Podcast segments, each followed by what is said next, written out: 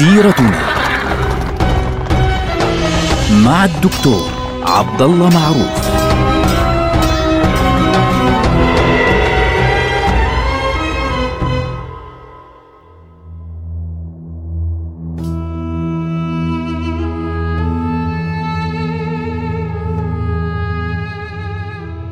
السلام عليكم ورحمة الله وبركاته. سيرتنا سيرة هذه الأمة تبدأ بسيرة رسول الله صلى الله عليه وسلم تسليما كثيرا. آه قريش صدمت صدمة كبيرة جدا عندما عاد عمرو بن العاص إليهم خالي الوفاض من الحبشة. ما استطاع أن يعيد ال ال الذين خرجوا من المسلمين إلى الحبشة خاصة بعد الحوار الراقي الذي كان بين جعفر ابن أبي طالب رضي الله عنه والنجشي ملك الحبشة. فعند ذلك قريش اجتمعت لتفكر ماذا نفعل ماذا نفعل ماذا نفعل. اللي زاد الطين بلة عندهم إنه النبي صلى الله عليه وسلم الآن إحنا في السنة يعني في آه، نهاية السادسة.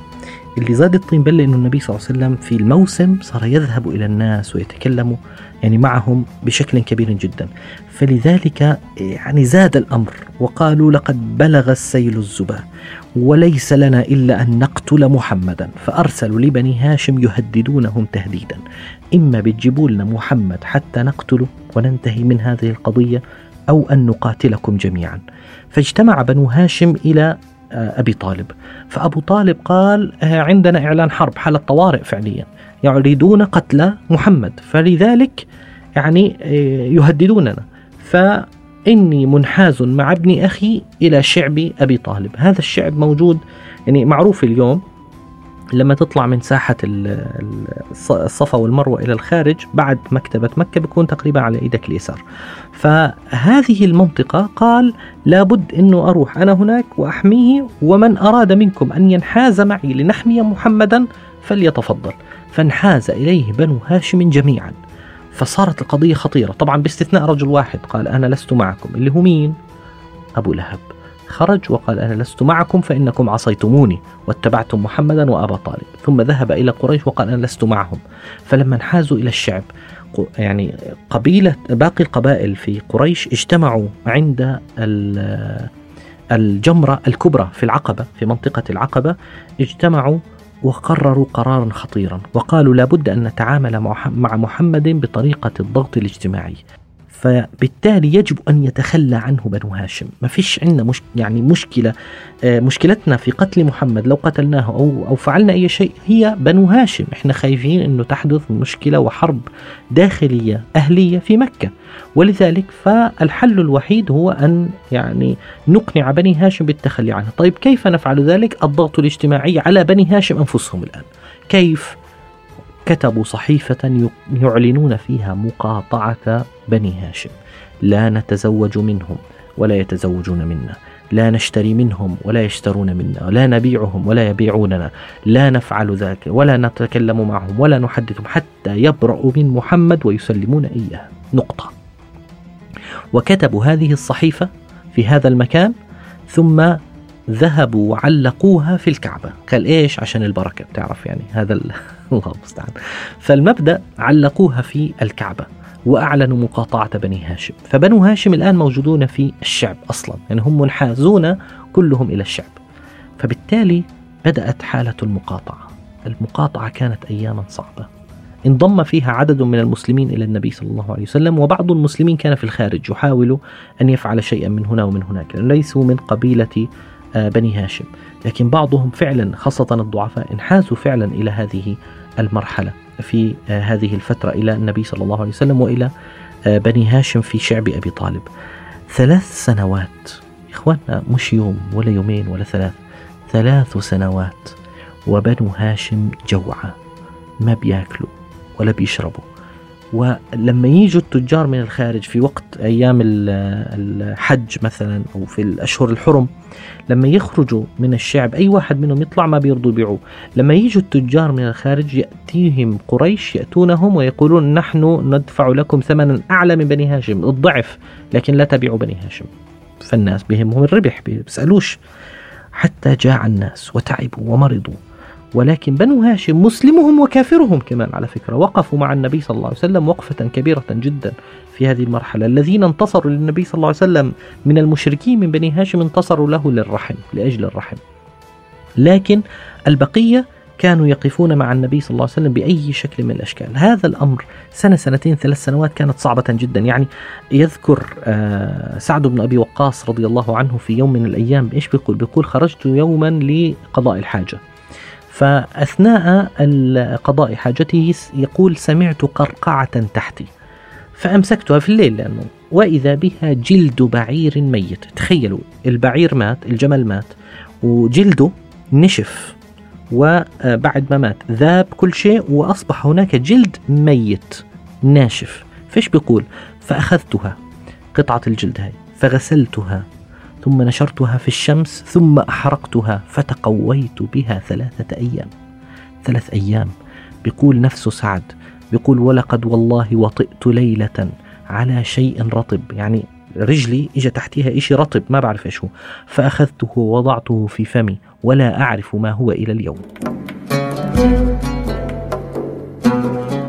كانت أيام صعبة. ثلاث سنوات. ضعفت فيها السيدة خديجة وضعف فيها أبو طالب وضعف فيها المسلمون جميعا وضعف فيها بنو هاشم. حتى جاء الفرج بعد ثلاث سنوات. من مين؟ من خمسة من المشركين ولا واحد فيهم مسلم. هذه نقطة يجب أن نفهمها. هناك ناس عندهم قلوب كثير يا إخواننا. كثير من الناس عندهم قلب بيعرفوا يعني بيقفوا مع قضايا المسلمين بيقفوا مع قضايانا بيقفوا معنا فبالتالي الأصل نتعامل معهم بنفس الود الذين. الذي يعاملوننا به هؤلاء الخمسة مين هم؟ هشام بن عمرو وزهير بن أمية والمطعم بن عدي وأبو البختري بن هشام وزمعة بن الأسود ذهب المطعم بن عدي إلى زهير بن أمية وقال له أتعجبك ما يعني أترى ما آه، يقاسي بنو هاشم ونحن نأكل ونشرب. قال نعم والله أنا معك لكن يعني نحن اثنان. ابغنا ثالثا فذهبوا إلى الأبي البختري بن هشام فقال والله أنا معكم لكن أعطونا واحد رابع. هشام بن عمرو فقال أعطونا واحد خامس زمعة بن الأسود. فاتفقوا على أنهم يعملوا ترتيب معين. في اليوم التالي يعني انتشروا الجميع انتشروا حول الكعبة مش في داخل الكعبة ولا في مكان واحد. انظروا الذكاء كمان. زهير بن أمية طاف بالكعبة ثم وقف أمامها وهو يحمل سيفه بعد ما خلص ونادى وقال يا معشر قريش أنأكل ونشرب. ونفر من قومنا في شعاب الجبال يجوعون والله لا أبرح حتى أشق هذه الصحيفة. فقال له أبو جهل كذبت والله لا تشق. فخرج له مين المطعم بن عدي وقال له بل كذبت؟ بلى أنت والله أكذب. والله لا نخرج من الآن حتى نشقها. وطلع من الجهة الثانية هشام بن عمرو قال والله قد صدقوا. ما رضينا بها حين كتبت أول مرة. وأبو البختري طلع لهم من الناحية الثانية قال والله أنا معكم صدقتم. وزمعة بن الأسود صار يقول أنا والله أنا معكم نفس الكلام. لاحظوا هم بدهم يعملوا صورة كأنه في رأي عام في مكة إنه نحن نرفض هذه الصحيفة. أبو جهل مش غبي. فإيش صار يقول؟ صار يقول هذا أمر دبر بليل وتكلم به في غير هذا المكان. أنتم مرتبينها بينكم بين بعض. بينما هم كذلك يخرج عليهم أبو طالب. كان شيخا كبيرا قد ضعف. فيأتي ويقول يا معشر قريش إن ابن أخي قد أخبرني أن ربه أرسل على صحيفتكم الارضه حشرة صغيرة جدا. فأكلت ما بها من ظلم إلا اسم الله. لأنهم بيبدوا بيكتبوا دائما باسمك اللهم. وإن يكن محمد كاذبا دفعناه إليكم ففعلوا به ما شئتم. طبعا سرت قريش سرورا عظيما. هو هو. يعني إجا الفرج. ليه؟ لأن الكعبة لا يمكن أن تعيش فيها الحشرات في الداخل لأنه جوها غير مناسب للحشرات ولا الأرض وخاصة أنه هذه موجودة يعني الصحيفة موجودة من فترة وإحنا شايفينها. فلما دخلوا إلى الكعبة فإذا بهذه الصحيفة قد أكلتها الأرض. ولم يبق فيها إلا كلمة باسمك اللهم فعند ذلك نقضت الصحيفة. وخرج بنو هاشم منتصرين بعد هذه المقاطعة. لكن لما طلعوا على فكرة ما طلعوا يعني مثل ما دخلوا. لا ثلاث سنوات صعبة جدا.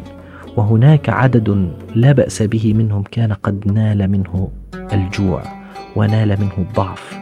وكان على رأسهم السيدة خديجة. زوج رسول الله صلى الله عليه وسلم وأبو طالب عم رسول الله صلى الله عليه وسلم. طلعوا من الشعب لكن تعبانين. سيدة خديجة كان عمرها 65 سنة. فما لبثت بعد فترة قصيرة من الخروج إلا أن توفيت. وبعدها توفي أبو طالب عم النبي صلى الله عليه وسلم. كان يوما صعبا على رسول الله صلى الله عليه وسلم. ولذلك يسمى ذلك العام عام الحزن. نلقاكم على خير. السلام عليكم ورحمة الله وبركاته.